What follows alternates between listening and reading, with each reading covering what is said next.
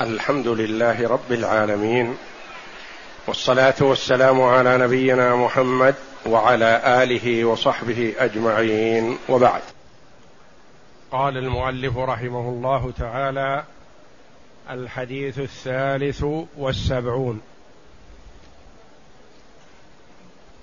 عن أبي هريرة رضي الله عنه عن النبي صلى الله عليه وسلم قال إنما جعل الإمام ليؤتم به فلا تختلفوا عليه.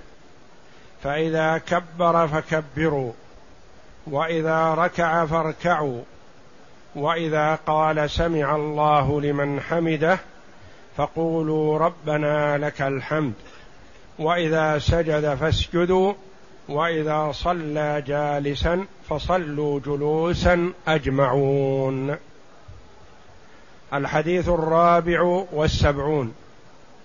عن عائشة رضي الله عنها قالت صلى رسول الله صلى الله عليه وسلم في بيته وهو شاك فصلى جالسا وصلى وراءه قوم قياما فأشار إليهم أن اجلسوا.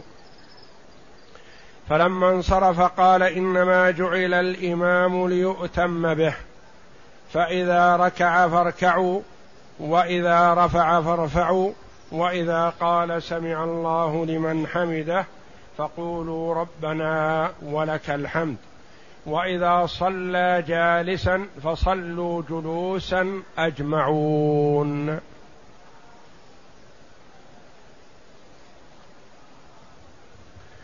هذان الحديثان من الأحاديث المتفق عليها كما رواهما أهل السنن. وهما يدلان على وجوب متابعة الإمام ويدلان على تحريم مسابقة الإمام وأن على المأمومين أن يتابعوه فتكون أقوالهم بعد أقواله وأفعالهم بعد أفعاله متناسبة متتابعة. وهذا في الأعمال الظاهرة. الحديثان دل على الأعمال الظاهرة. فعل أو قول. إذا ركع فاركعوا. إذا رفع فارفعوا. هذه أفعال. إذا قال سمع الله لمن حمده فقولوا.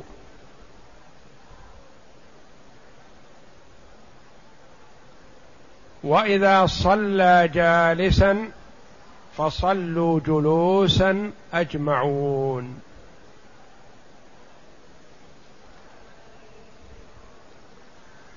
والفاء في قوله فكبروا فارفعوا.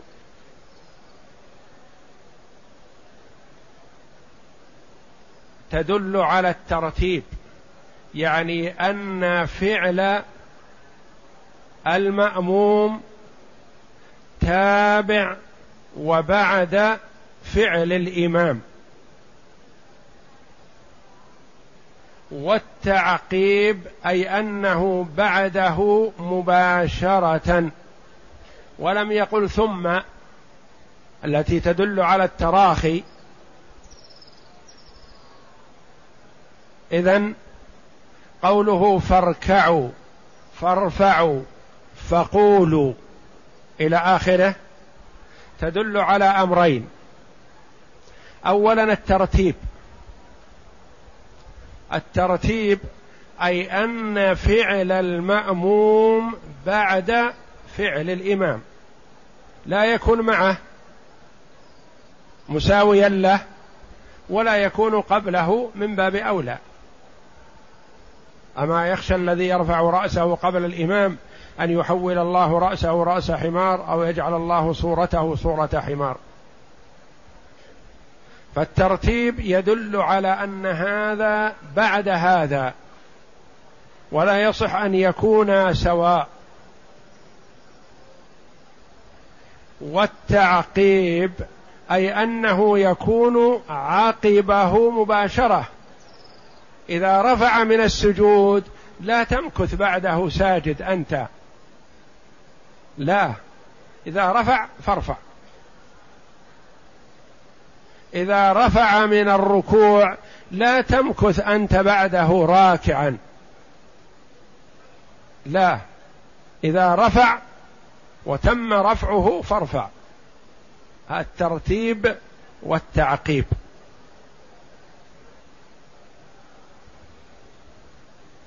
تقول مثلا جاء زيد فجاء عمرو. جاء زيد أول.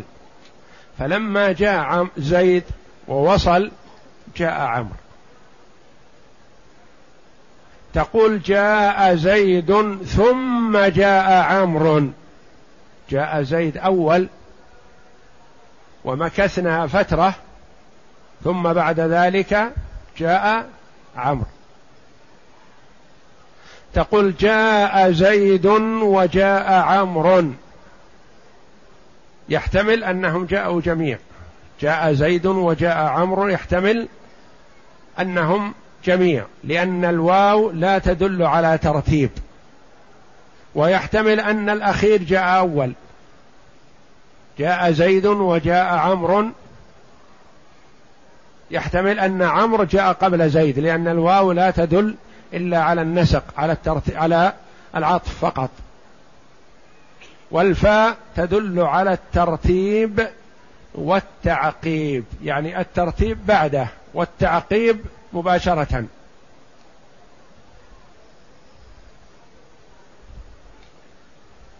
قوله جعل يقول من أفعال التحويل تأخذ مفعولين.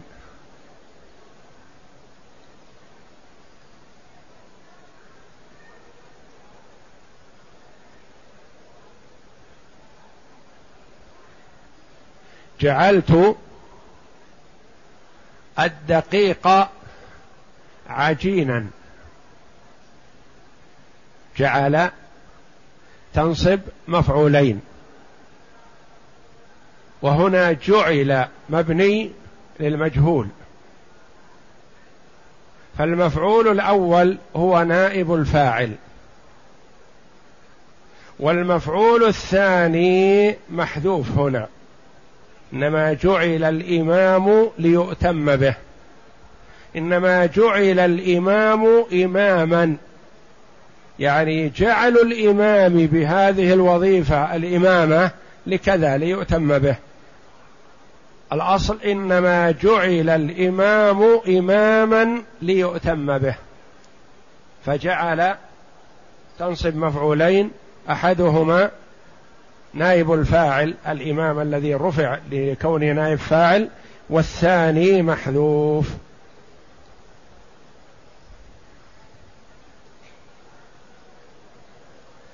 أجمعون فصلوا جلوسا. أجمعون في الحديثين. جاءت فصلوا جلوسا أجمعون. أجمعون تأكيد للضمير في صلوا الفاعل. ويجوز فيها أجمعين على أنها تأكيد للضمير في جلوسا جلوسا أجمعين.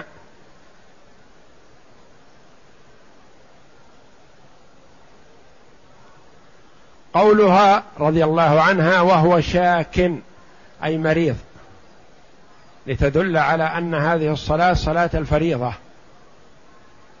وإلا صلاته في بيته كثير عليه الصلاة والسلام. لكن هذه الصلاة صلاة فريضة وصلى معه أناس ولم يخرج للمسجد لكونه شاك أي مريض.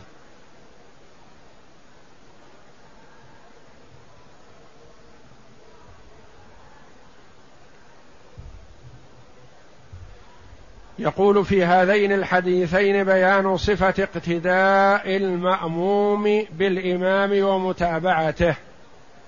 فقد أرشد النبي صلى الله عليه وسلم المؤمومين إلى الحكمة في جعل الإمام وهو أن يقتدى به ويتابع. فلا يختلف عليه بعمل من أعمال الصلاة وإنما تراعى تنقلاته بانتظام ودقة. يعني كل ما انتقل ننتقل بعده مباشرة. لا نساويه ولا نسابقه ولا نتأخر عنه كثيرا بل بعده مباشرة. فإذا كبر للإحرام فكبروا أنتم كذلك. وإذا ركع فاركعوا بعده. وإذا ركعوا فاركعوا. وفي بعض السنن ترمذي ولا تركعوا قبله. وإذا رفع فارفعوا ولا ترفعوا قبله. فيها زيادة تأكيد. وإذا ذكركم أن الله مجيب لمن حمده فقولوا سمع الله لمن حمده. إذا قال سمع الله بقوله سمع الله لمن حمده فاحمدوه أنتم بقولكم ربنا. لك الحمد. أو ربنا ولك الحمد. وكما تقدم أن فيها أربعة ألفاظ كلها صحيحة وواردة. ربنا لك الحمد. ربنا ولك الحمد. اللهم ربنا ولك الحمد. اللهم ربنا لك الحمد. فكأن الإمام يذكرنا يقول لنا سمع الله لمن حمده. يخبرنا ويوعظنا بأن الله سمع من حمده. فنقول حينئذ ربنا لك الحمد. أو ربنا ولك الحمد. قالوا والواو فيها زيادة معنى. إذا قلنا ربنا ولك الحمد كأننا قلنا ربنا استجب ولك الحمد. ربنا استجب. ولك الحمد. وإذا سجد فتابعوه يعني لا تسجدوا قبله ولا تسجدوا معه كما سيأتينا في الحديث القادم. فلا أحد منا يحني ظهره حتى يقع النبي صلى الله عليه وسلم ساجدا في الأرض. يعني يبقى الصحابة خلف النبي صلى الله عليه وسلم وقوف. ما أحد يتبعه حينما يسمع التكبير كما هو حال كثير من المصلين هداهم الله. يخطئون في هذا خطأ كبيرا. إذا سمعوا الإمام قالوا الله سارعوا وسابقوه أو ربما كثير منهم يصل الأرض قبل أن يصل الإمام إلى الأرض.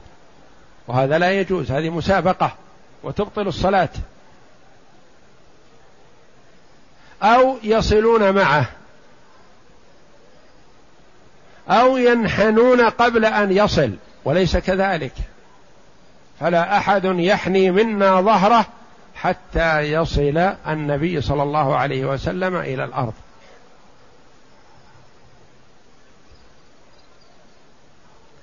وإذا سجد فتابعوه واسجدوا وإذا صلى جالسا لعجزه عن القيام فتحقيقا للمتابعة صلوا جلوسا ولو كنتم على القيام قادرين.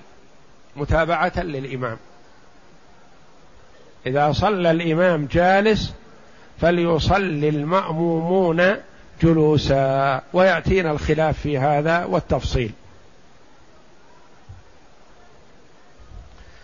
فقد ذكرت عائشة رضي الله عنها أن النبي صلى الله عليه وسلم اشتكى من المرض فصلى جالسا.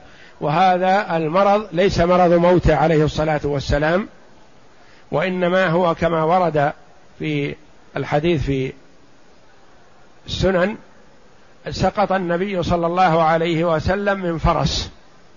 كان راكبا على فرس فسقط عليه الصلاة والسلام ف حصل انفكاك في قدمه في رجله أو مخش في ساقه فكان يمنعه من القيام. ما يستطيع الخروج عليه الصلاة والسلام. وفي هذا دليل على أن الرسول عليه الصلاة والسلام مع علو منزلته عند الله جل وعلا يصيبه ما يصيب الآدميين. ركب على فرس في المدينة فسقط. فأصاب رجله ألم فكان لا يستطيع المشي عليها ولا يستطيع القيام عليه الصلاة والسلام فصلى جالسا.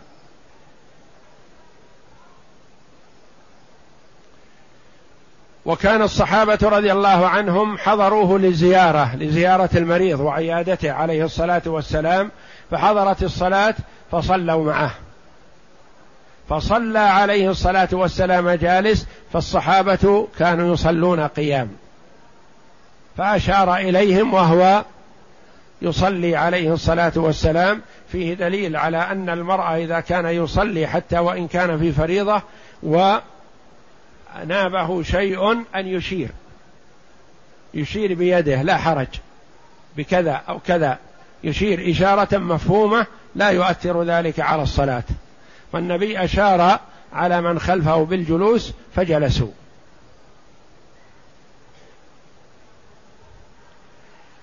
وكان الصحابة يظنون أن عليهم القيام لقدرتهم عليه فصلوا فصلوا وراءه قياما فأشار عليهم أن اجلسوا.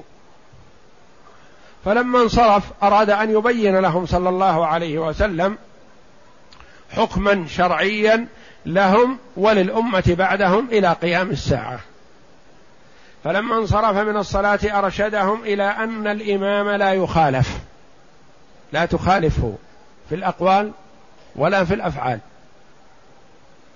وإنما يوافق لتتحقق المتابعة التامة والاقتداء الكامل بحيث يصلي المأموم جالسا مع قدرته على القيام لجلوس إمامه العاجز. اختلاف العلماء رحمهم الله.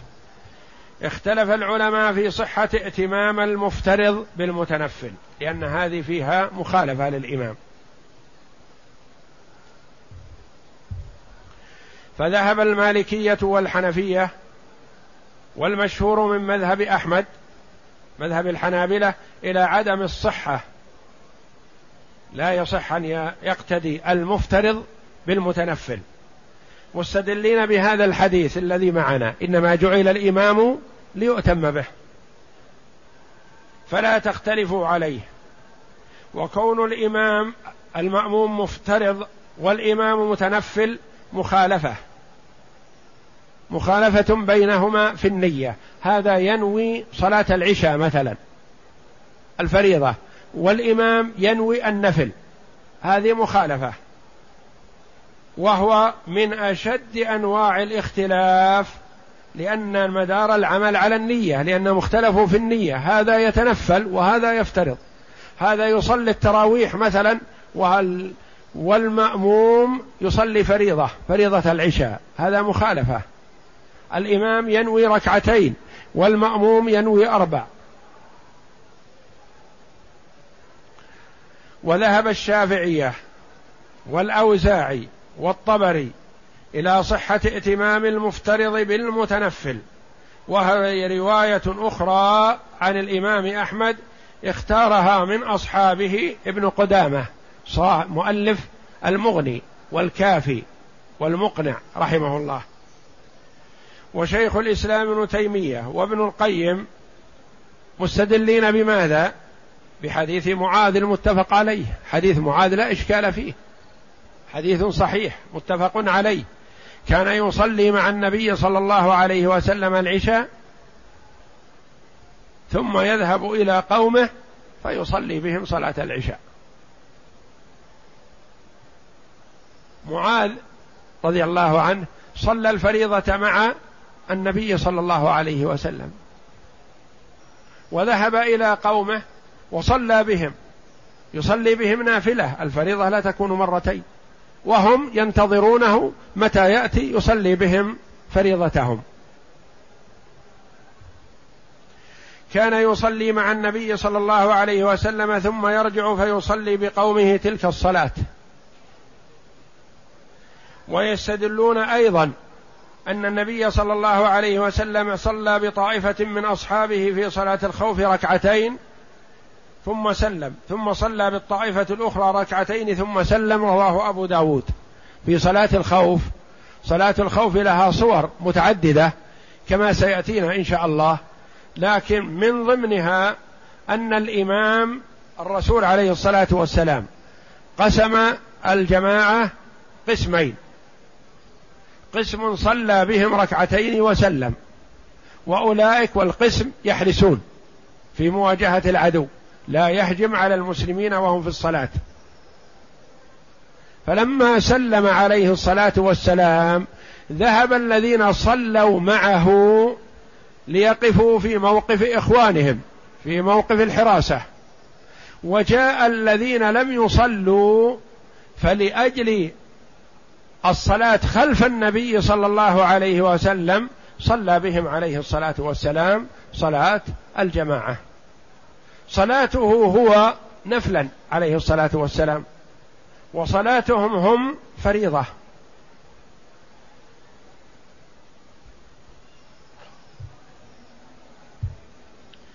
وهذا أقرب إلى الصواب والله أعلم لأن الأدلة صريحة في ذلك.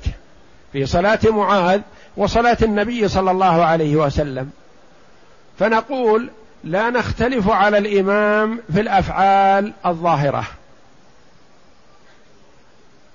لا نختلف على الإمام في الحركات لا نختلف على الإمام في الأقوال المسموعة. وأما الاختلاف في النية فلا حرج.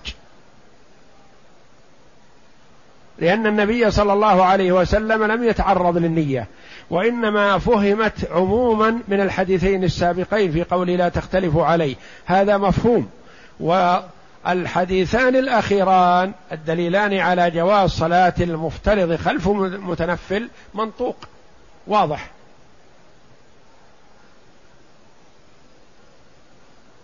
فعلى هذا لو صلى المرء الفريضة ثم صلى بجماعة آخرين نفلا له ولهم فريضة فلا حرج. ومثل ذلك صلاة التراويح. دخل المرء والإمام في صلاة التراويح. وقد وهو لم يصلي العشاء. فيصلي العشاء مع الإمام في صلاة التراويح فإذا سلم الإمام من ركعتين فليقم المأموم وليكمل صلاته صلاة العشاء أربع ركعات.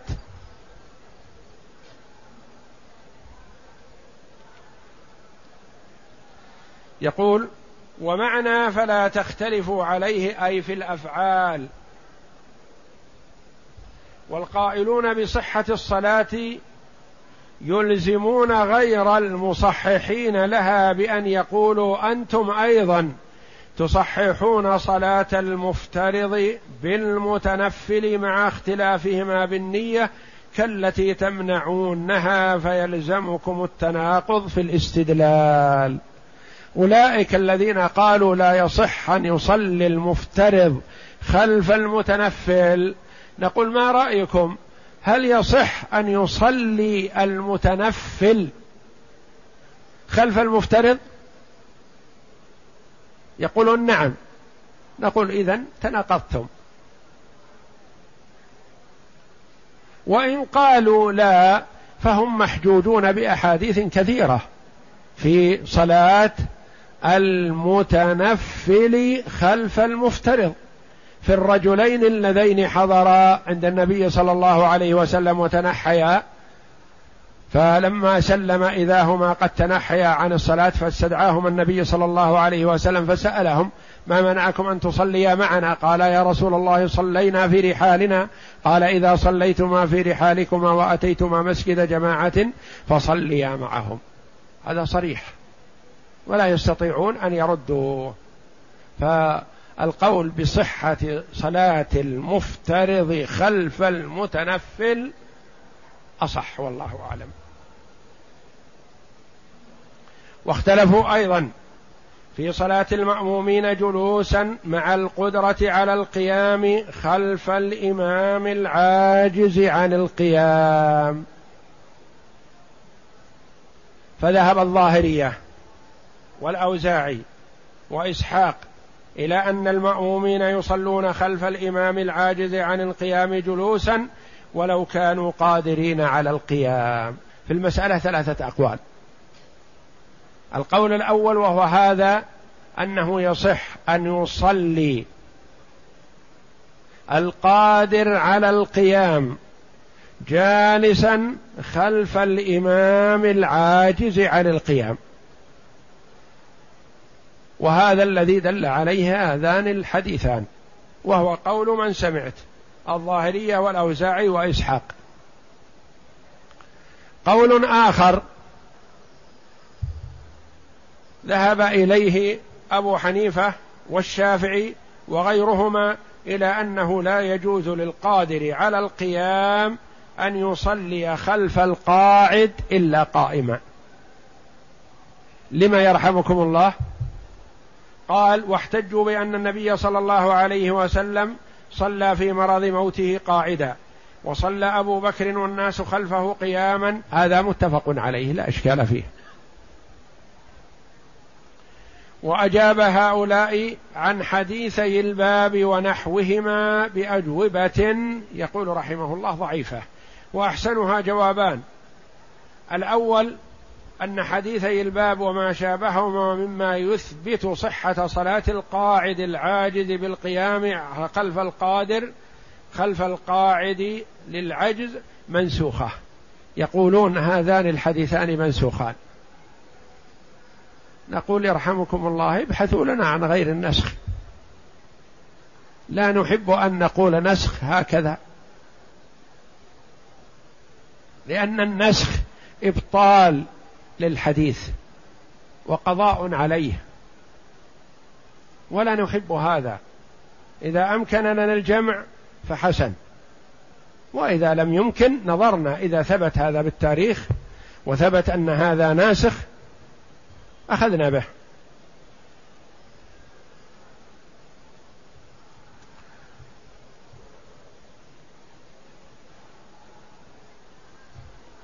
يقول وهذا الجواب للإمام الشافعي رحمه الله ولغيره.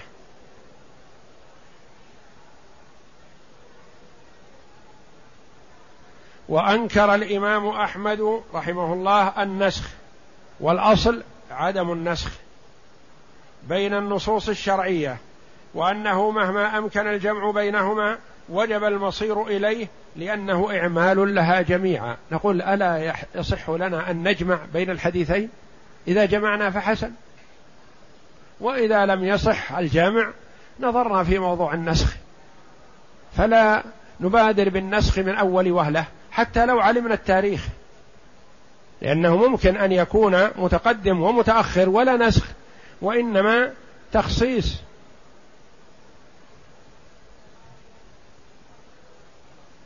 الجواب الثاني بما أجاب به الإمام مالك رحمه الله.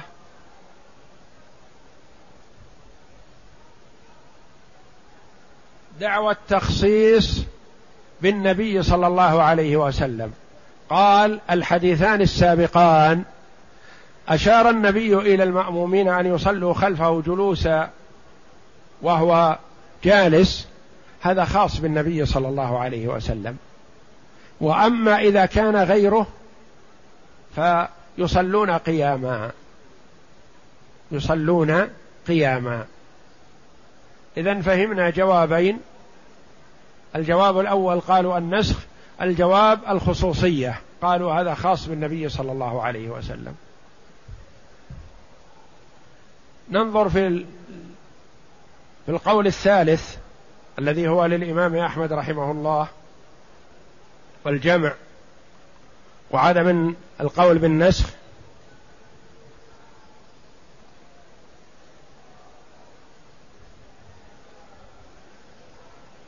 الذين قالوا بالتخصيص يقول المخصص عندهم حديث الشعبي عن جابر مرفوعا.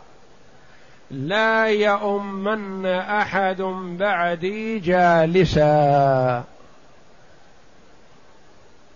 رووا هذا الحديث. يقول وأجيب عن هذا الحديث بأنه لا يصح بوجه من الوجوه لأنه من رواية جابر الجعفي وهذا متهم فلا يقبل حديثه.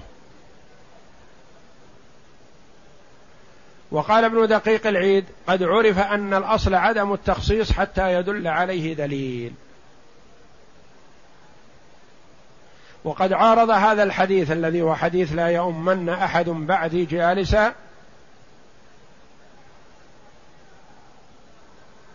حديث أخرجه أبو داود أن أسيد بن حضير كان يؤم قومه فجاء النبي صلى الله عليه وسلم يعوده فقيل يا رسول الله إن إمامنا مريض. فقال إذا صلى قاعدا فصلوا قعودا. هذا دليل على أنها ليست المسألة خصوصية. فالنبي أمر جماعة أسيد بن حضير إذا صلى بهم جالسا أن يصلوا خلفه جلوسا. وذهب الإمام أحمد رحمه الله إلى التوسط بين هذين القولين. انظر الجمع. لم يلغي الحديثين الأولات قياما خلف إمام جالس. كما في صلاة أبي بكر رضي الله عنه والجماعة خلف النبي صلى الله عليه وسلم والنبي جالس عليه الصلاة والسلام وهم خلفه قيام.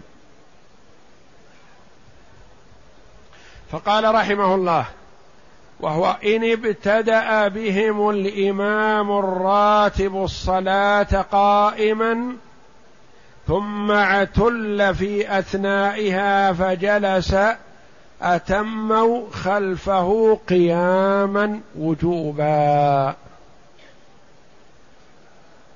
إذا ابتدأ الإمام الصلاة قائما ثم عجز في أثناء الصلاة عن القيام فيكمل صلاته جالسا وهم خلفه قياما. عملا بحديث صلاة النبي صلى الله عليه وسلم بأبي بكر والناس حين مرض مرض الموت مرضه الأخير عليه الصلاة والسلام. وذلك أن النبي صلى الله عليه وسلم أبو بكر ابتدأ الصلاة رضي الله عنه. ابتدأ الصلاة قائما. ثم جاء النبي صلى الله عليه وسلم فتأخر أبو بكر قليلا. وتقدم النبي صلى الله عليه وسلم. والنبي صلى الله عليه وسلم شاك في مرضه الأخير مرضه الذي مات منه عليه الصلاة والسلام. فكان النبي صلى الله عليه وسلم جالس.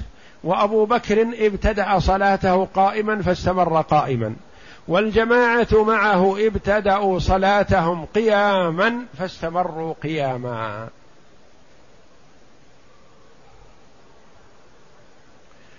وإن ابتدأ بهم الصلاة جالسا صلوا خلفه جلوسا استحبابا. انظروا الفرق. ذاك واجبا. لأنهم ابتدأوا الصلاة قيام فيصلون يكملون صلاتهم قيام. وهنا ابتدأ من أول الأمر. جاء الإمام وكبر وهو جالس. فنصلي خلفه جلوسا استحبابا. فإن صلينا قياما صحت الصلاة. عملا بحديثي الباب لأن حديثي الباب ابتدأ النبي صلى الله عليه وسلم الصلاة جالسا. وصلاة أسيد بن حضير رضي الله عنه بأصحابه. فالنبي صلى الله عليه وسلم لما زاره قال جماعته يا رسول الله أسيد بن حضير إمامنا ويصلي بنا جالس. فقال إذا صلى بكم جالسا فصلوا قعودا خلفه.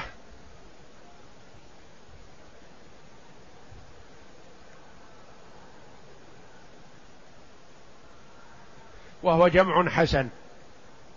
جمع بين الأحاديث. إذا ابتدأ الإمام صلاته جالسا صلينا خلفه جلوسا. والأولى في هذه الحال أن يستليب لأن الأئمة يتفاوتون. إمام يحرص على أن يصلي بجماعته احتسابا ويرغب في أن يكون إمام. فيخرج إليهم وهو شاك. وربما يخرج مسك به إثنان يأخذان بعضديه ويجلسانه في المحراب. ثم تقام الصلاة ويصلي بهم. في هذه الحال نصلي خلفه جلوسا لأنه ابتدع الصلاة بنا جالسا. كأسيد بن حضير وكما أشار النبي صلى الله عليه وسلم لمن خلفه في هذين الحديثين. حالة أخرى تعرض للإمام الإمام كبر ودخل في الصلاة قائما. وفي أثناء الصلاة اعتل أصابته علة عجز عن القيام ويستطيع إكمال الصلاة. جالس. فحينئذ نصلي خلفه قياما. لأن ابتدأنا وإياه الصلاة قياما فنكمل ما بدأناه.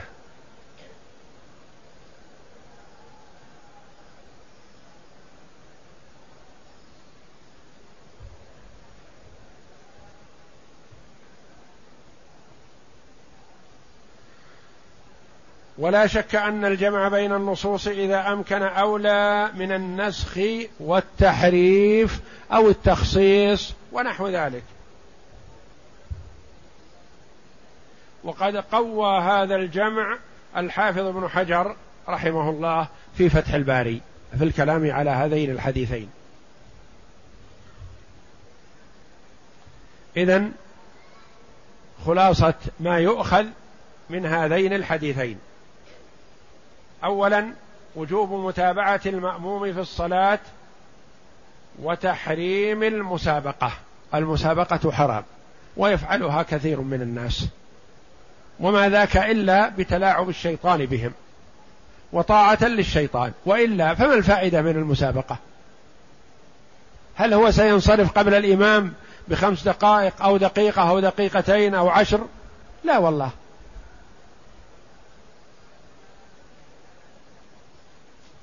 وإذا سابقه فسدت صلاته. اذا هذا إفساد للصلاة فقط.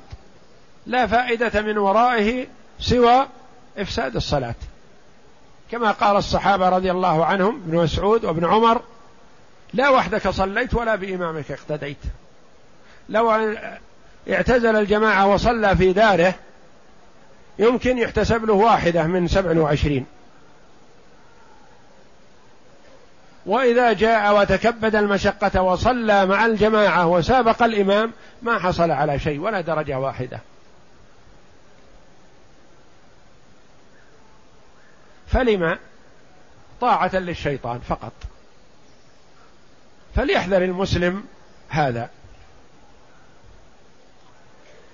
تحريم مخالفته وبطلان الصلاة بها. لا وحدك صليت ولا بإمامك اقتديت. أن الأفضل في المتابعة أن تقع أعمال الماموم بعد أعمال الإمام مباشرة.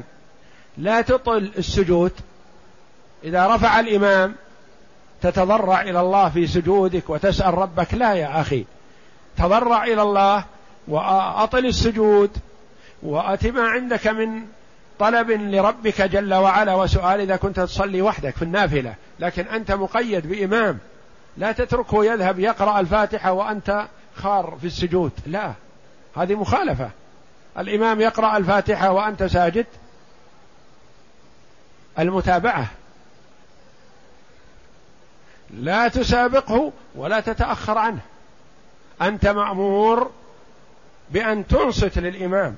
الإمام يقرأ الحمد لله رب العالمين الرحمن الرحيم مالك يوم الدين وتصغي له وتشاركه في هذا.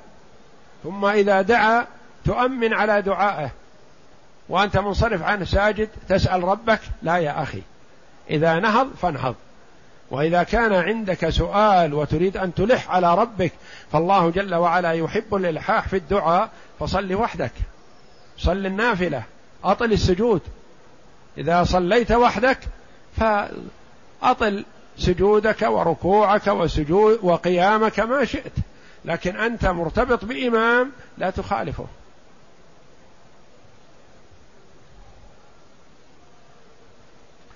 قال الفقهاء رحمهم الله وتكره المساواة والموافقة في الأعمال.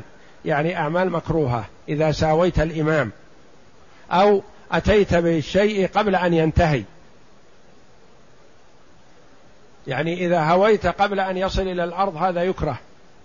والمشروع ألا تهوي حتى يصل الإمام إلى الأرض. إذا كان في السجود. أن الإمام إذا صلى جالسا لعجزه عن القيام صلى خلفه المأمومون جلوسا ولو كانوا قادرين على القيام تحقيقا للمتابعة والاقتداء. أن المأموم يقول ربنا لك الحمد حينما يقول الإمام سمع الله لمن حمده وقال ابن عبد البر لا أعلم خلافا في أن المنفرد يقول سمع الله لمن حمده ربنا ولك الحمد. وقال ابن حجر وأما الإمام فيسمع ويحمد يجمع بينهما. الإمام يسمع يعني يقول سمع الله لمن حمده ويحمد يقول ربنا ولك الحمد. فقد ثبت في البخاري أن النبي صلى الله عليه وسلم كان يجمع بينهما. أن من الحكمة في جعل الإمام في الصلاة الاقتداء والمتابعة. من الحكمة الاقتداء والمتابعة. يعني أنه جعل الإمام لأجل ماذا؟ لأجل أن نقتدي به ونتابعه. جواز الإشارة في الصلاة للحاجة. جواز الإشارة يعني أن تشر لمن دخل بأمر من الأمور. مثلا.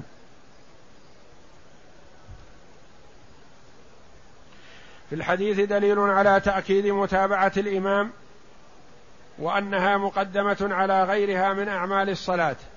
فقد أسقط القيام عن المأمومين القادرين عليه مع أنه أحد أركان الصلاة. كل ذلك لأجل كمال المتابعة. القيام ركن كما تقدم لنا. ومع ذلك نقول إذا صلى الإمام جالسا نصلي خلفه جلوسا وتركنا هذا الركن لأجل تمام متابعه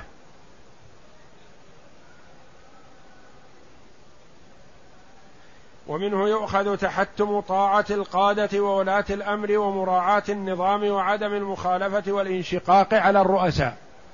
فطاعة ولاة الأمر واجبة فيما أوجب الله واجبة فيما هو مأمور به شرعا واجبة فيما هو مباح لكن طاعتهم فيما هو معصية لله جل وعلا لا لا طاعة لمخلوق في معصية الخالق.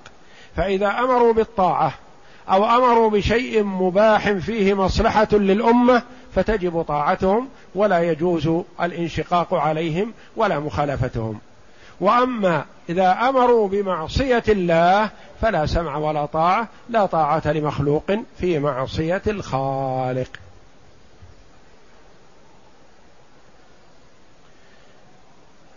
يقول فما هذه الشرائع الإلهية إلا لتعويدنا على السمع والطاعة وحسن الاتباع والائتلاف بجانب التعبد لله جل وعلا. لأن هذه صلاة الجماعة كما تقدم لنا فيها تعليم. وتأديب وحسن متابعة وانقياد ومبادرة في تنفيذ المطلوب وهكذا.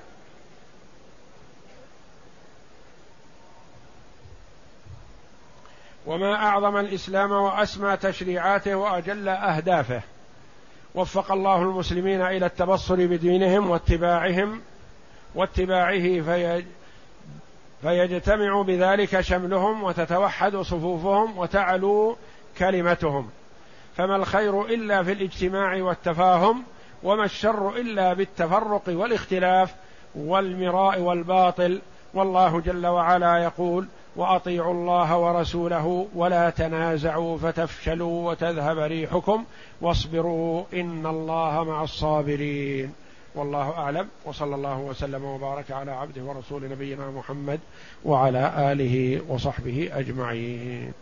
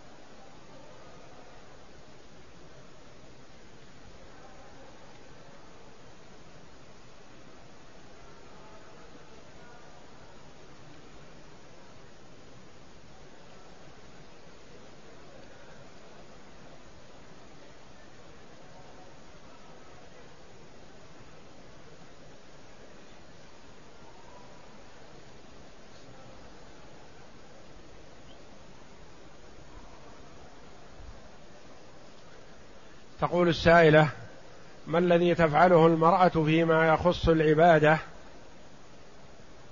إذا وجدت آثار دم في غير الوقت المعتاد من الدورة الشهرية. نقول الأصل وجوب الصلاة عليها وصحة العبادة منها. فلا تتوقف إلا لدم الحيض ودم النفاس فقط. والدماء التي تعرض للمرأة كثير. لكن لا تتوقف عن الصلاة إلا لدم الحيض أو دم النفاس. وإذا شكت في هذا الدم فالأصل وجوب العبادة عليها. وجوب الصلاة ووجوب الصيام. تصلي وتصوم. فإذا تيقنت بعد ذلك أنها في حالة حيض فعليها قضاء ما صامته لأن صيامها في وقت الحيض غير صحيح والصلاة أصلا لا تجب عليها في الحيض.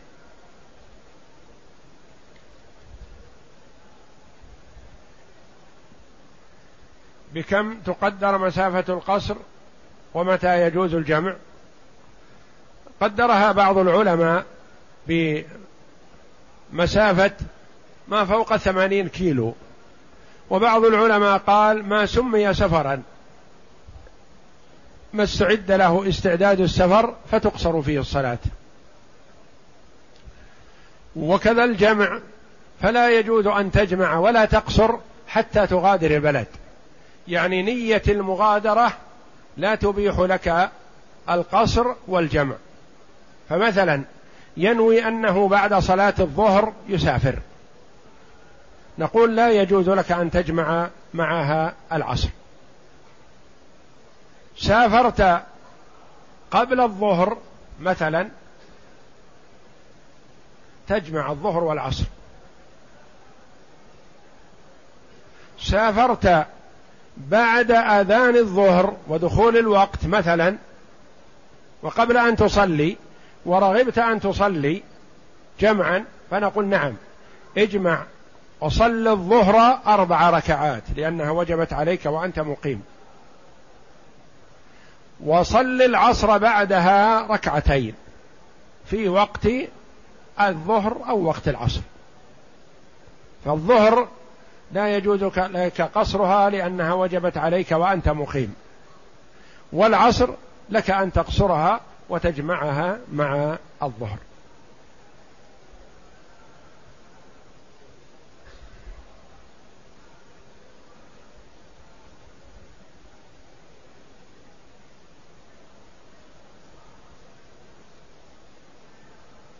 ما هو دليل ائتمام المفترض بالمتنفل؟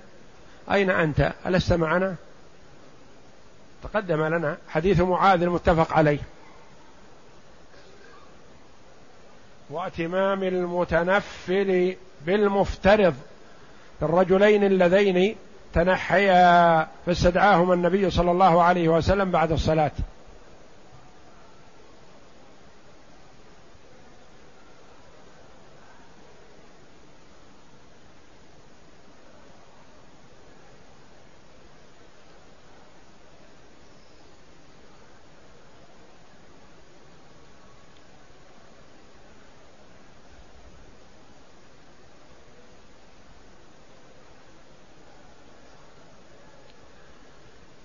هل يصح أن نعطي زكاة المال النقد للمجاهدين في الشيشان والمجاهدين في فلسطين. نعم يا أخي الله جل وعلا جعل للمجاهدين في سبيل الله نصيبا من الزكاة. وقد يكون أحوج من غيرهم لأنهم لا يجدون في بلادهم من يساويهم من يواسيهم في في العطاء. فهم في حاجة إلى مد اليد والمساعدة لهم من الزكاة الواجبة ومن صدقة التطوع. وأفضل ما بذلت فيه الأموال للمجاهدين في سبيل الله.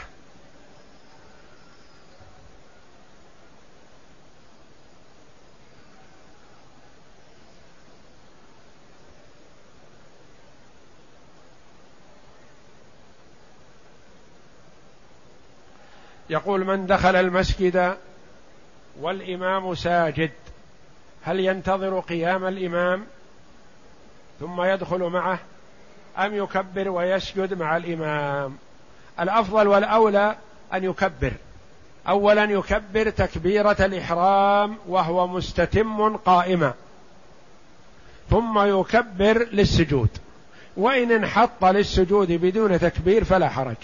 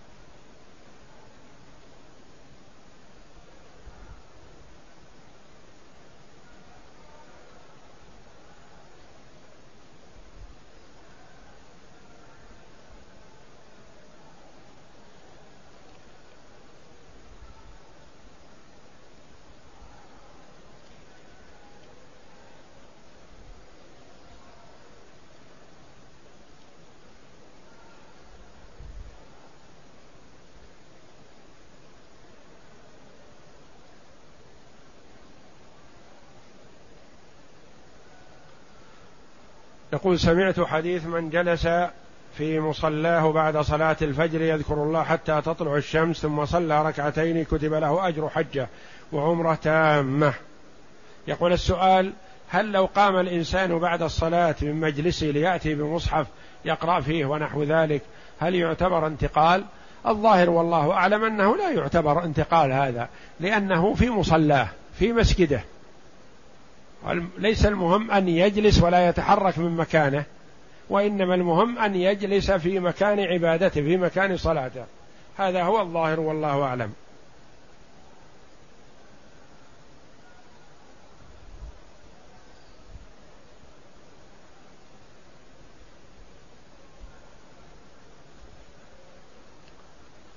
يقول في قوله جل وعلا إن الذين كفروا بعد ايمان ثم ازدادوا كفرا لن تقبل توبتهم وأولئك هم الضالون.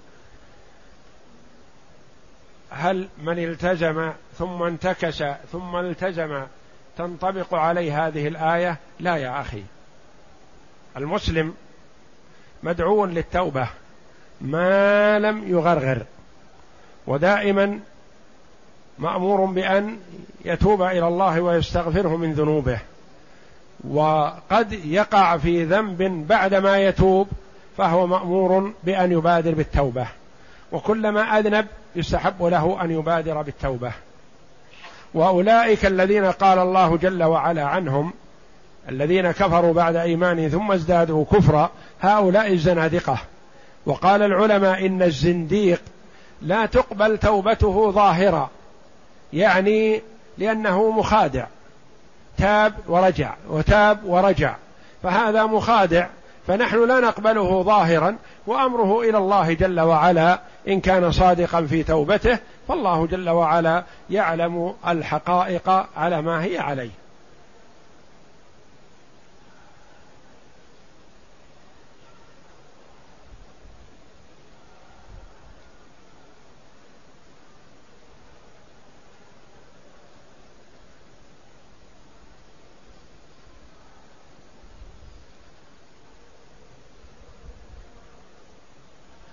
يقول ماذا أفعل إذا نسيت السجدة الثانية من الركعة الأولى بعد أن قمت للركعة الثانية؟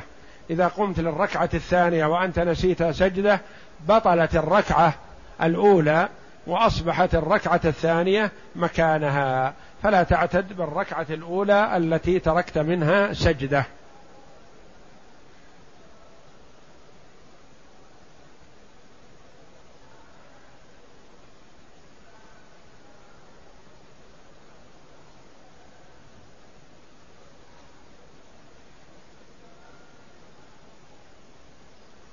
يقول هل يجوز اتباع الإمام مع العلم بأنه زاد في الصلاة؟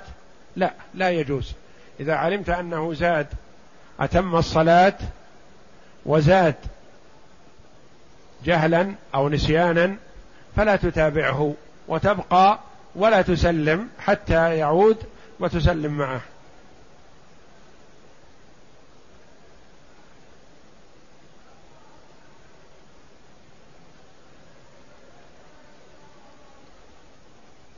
يقول هل احتلال الاحتلام من الشيطان أو أنه فطرة وجبلة؟ لا سيما من يحتلم بجانب زوجته. لا حرج على الاحتلام ولا إثم فيه ولا يئس من من الشيطان بل هو آه، قد يكون فيه مصلحة أحيانا للجسد. يخرج شيء من المتجمع والمترصد فيه فيخرج بإذن الله فيخف الجسم وينشط. وهذا لا عمل للإنسان فيه حتى يأثم به أو يقال يتجنبه أو يحذره أو إنه من الشيطان لا.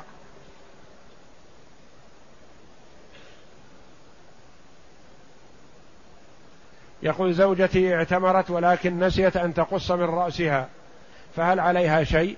إذا كانت لم تفعل محظورا من محظورات الإحرام التي لا يعفى عن جهله فتقصر الآن ولا شيء عليها. وإذا كان جامعها زوجها فقد وجب عليها هدي يذبح في مكة لفقراء الحرام.